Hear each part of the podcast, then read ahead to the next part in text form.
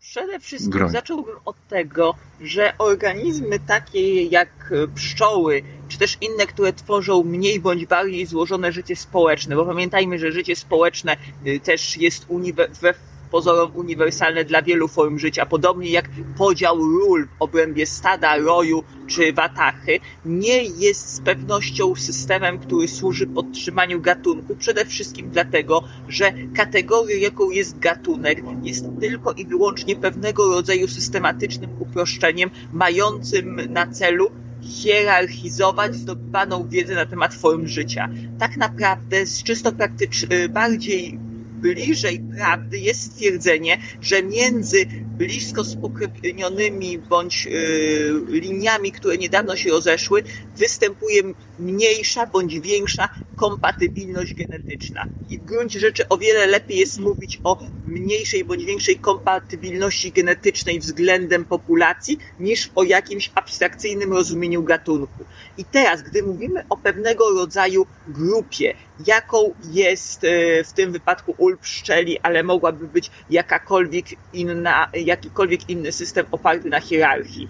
Widzimy, że ze sobą te osobniki współpracują. Jedne właśnie chronią, inne próbują dostarczać e, odpowiednie substancje odżywcze, inne dostarczają informacji na temat potencjalnych zagrożeń bądź też e, istotnych rzeczy w środowisku. Z pewnością nie robią tego dla przetrwania gatunku.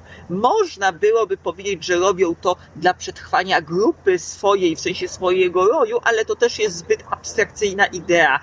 Lepiej jest stwierdzić, że osobniki robią to głównie dlatego, że ze względów na zarówno swoje cechy wrodzone, wrodzone, jak i nabyte, a tak naprawdę mieszankę tego, co wrodzone i nabyte, bo środowisko cały czas moduluje to, co dziedziczymy w genach, wykształcają w sobie pewne cechy motywacyjne, sprawiające, że pewne zachowania bądź pewne zjawiska behawioralne sprawia, poprawiają bądź upośledzają ich wewnętrzne poczucie dobrostanu. Czyli krótko mówiąc, sprawiają, że rośnie ich eustres bądź ich dystres.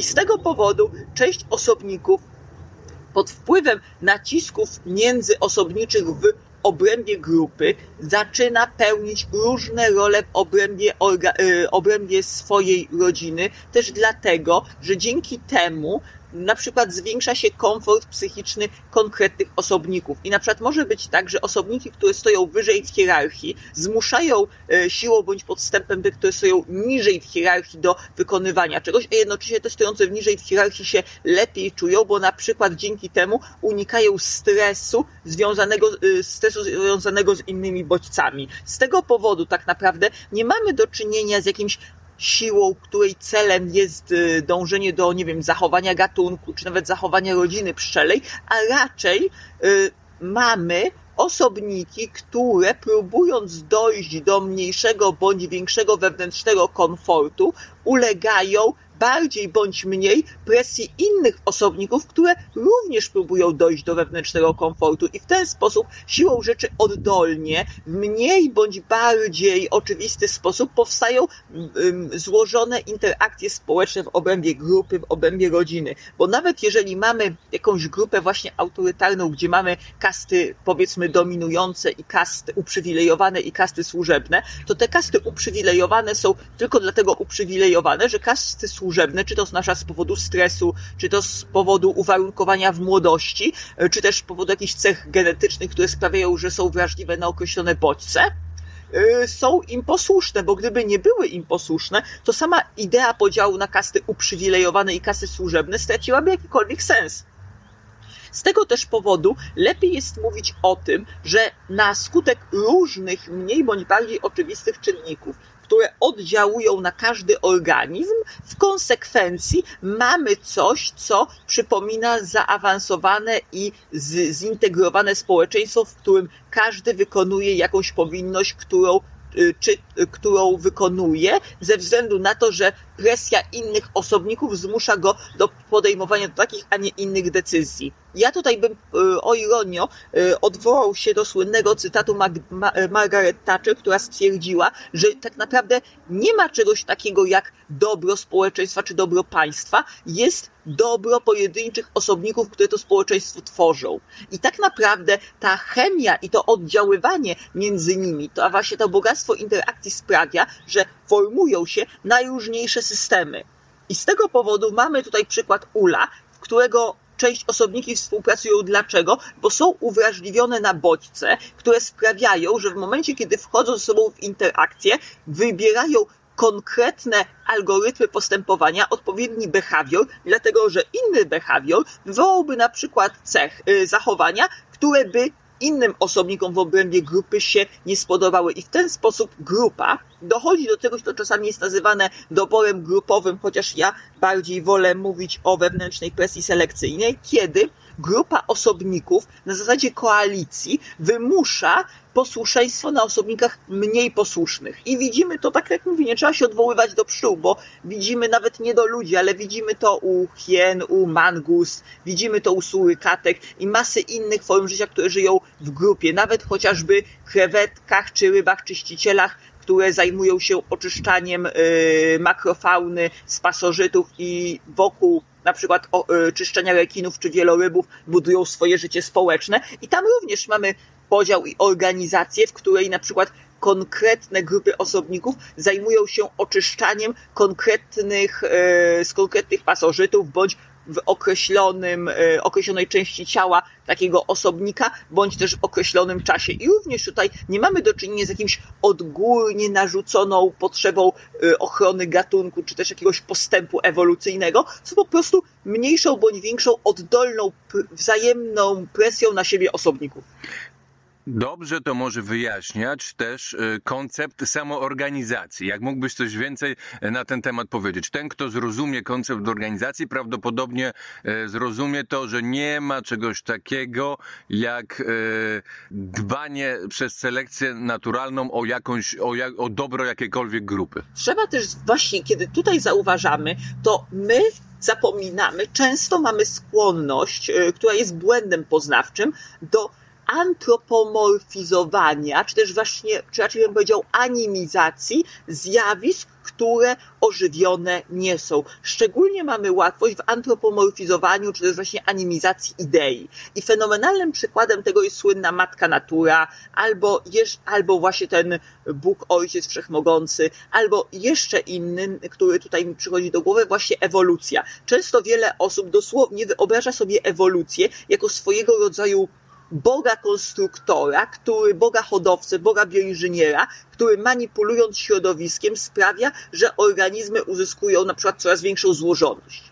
Tak naprawdę jednak ewolucja jest bardziej czymś, co my opisujemy jako zewnętrzni obserwatorzy w momencie, w którym staramy się stworzyć kategorię na pewien zbiór korelujących ze sobą zjawisk, czy też sprzężonych ze sobą zjawisk. Dokładnie tak samo jest z kwestią krystalizacji. To tak jakby stwierdzić, że atomy, które na przykład budują konkretne formacje skalne, czy konkretne minerały, mają cel w tym, że tworzą coraz czystsze i coraz yy, bardziej krystalicznie uporządkowane minerały. Nie jest to prawda. Po prostu te minerały, które wykazują się największą trwałością, a atomy, które pod wpływem czynników z, z, z fizycznych najlepiej się przyciągają, po prostu rzadziej ulegają zniszczeniu niż te, które na przykład są mniej trwałe. Ale nie oznacza to, że z, z atomy te mają cel w tym, żeby tworzyć coraz twardsze minerały, a raczej jest to konsekwencja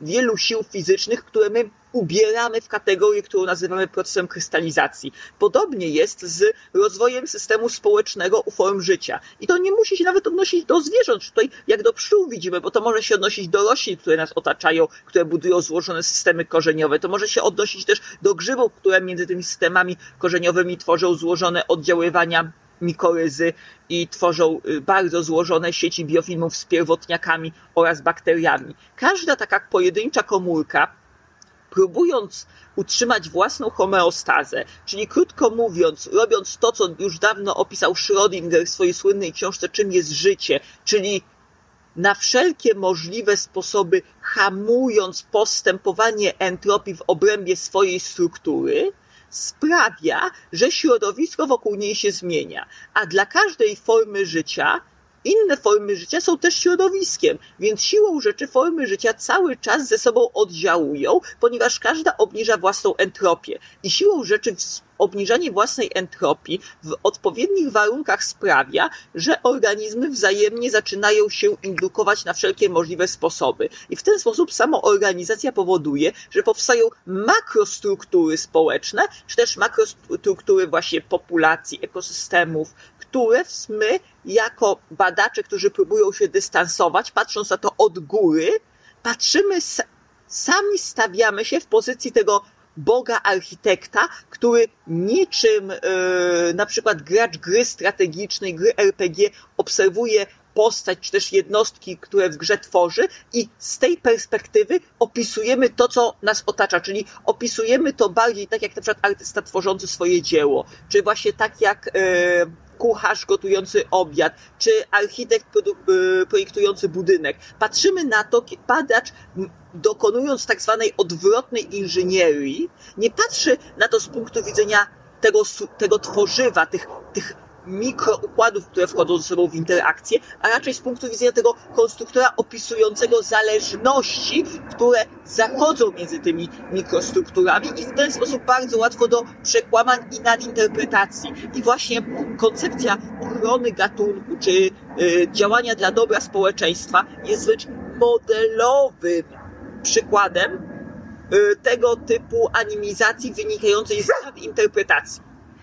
Czyli podsumowując, jest to patrzenie na owoc tego, co powstało na skutek samoorganizacji, a nie na przyczynę tego. Jeżeli chcemy dojść do ewolucyjnej przyczyny, nie możemy zatrzymywać się na adaptacjach, które rzekomo mają istnieć dla podtrzymania rodziny pszczelej tudzież gatunku. I tu jest po, podstawowy błąd mylenia mm. przyczyny ze skutkiem oraz, co dla mnie jest najważniejsze, jeżeli chodzi o błędy poznawcze, które niestety są, pokutują strasznie, szczególnie w naukach biologicznych w mojej opinii, to powoływanie się na to, że organizmy, które zajmują się swoimi podstawowymi potrzebami, zajmują się też systemami, budują systemy odgórne intencjonalnie, nie zauważając, że to jest konsekwencja zjawisk. Dlaczego? Ponieważ niestety mylimy to, co jest efektem końcowym z tym, co zachodziło na początku. I kiedy obserwujemy pewien fakt dokonany,